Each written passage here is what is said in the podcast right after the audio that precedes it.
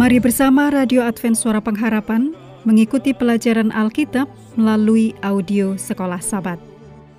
Selanjutnya kita masuk untuk pelajaran 12 periode 10 sampai 16 Juni. Judulnya Meterai Allah dan Tanda Binatang bagian 2. Mari kita mulai dengan doa singkat yang didasarkan dari Wahyu 5 ayat 9. Engkau layak menerima gulungan kitab itu dan membuka meterai-meterainya.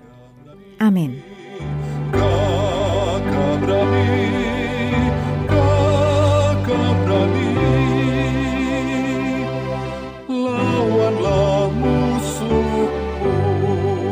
Pelajaran Sabat Petang tanggal 10 Juni, Anda boleh membaca untuk pelajaran pekan ini dalam Wahyu 12 ayat 6 dan 14, Daniel 7 ayat 25, 2 Tesalonika 2 ayat 3 dan 4, Ulangan 6 ayat 8, Ulangan 11 ayat 18, dan Keluaran 20 ayat 8 sampai 11.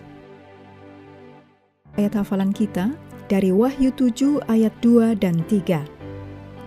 Dan aku melihat seorang malaikat lain muncul dari tempat matahari terbit.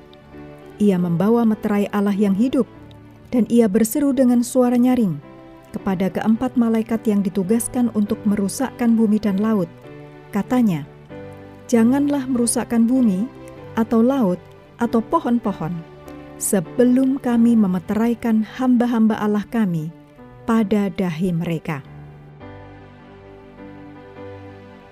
Pada abad ke-15, lembah Piedmont, dataran tinggi di pegunungan Alpen Italia Utara, adalah rumah bagi orang-orang Waldensia.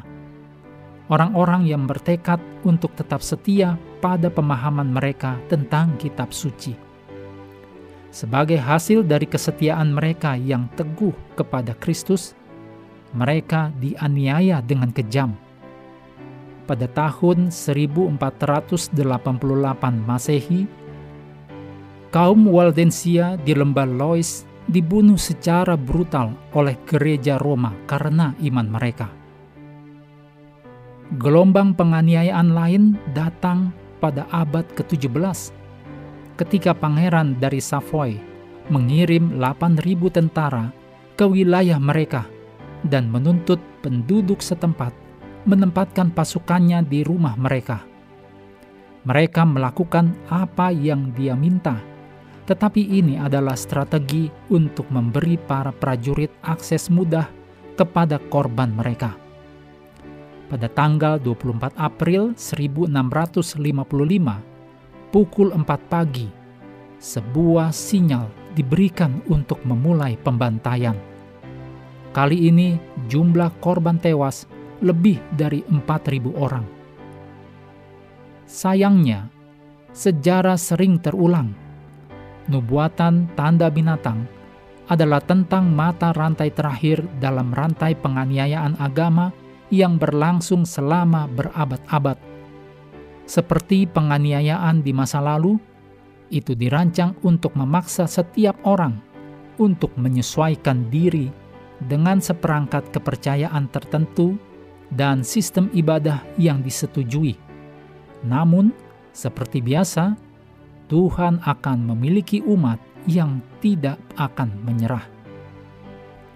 Mengakhiri pelajaran hari ini, kami terus mendorong Anda mengambil waktu bersekutu dengan Tuhan setiap hari bersama dengan seluruh anggota keluarga, baik melalui renungan harian, pelajaran sekolah sahabat, juga bacaan Alkitab sedunia, percayalah kepada nabi-nabinya, yang untuk hari ini melanjutkan dari Mazmur pasal 35. Tuhan memberkati kita semua.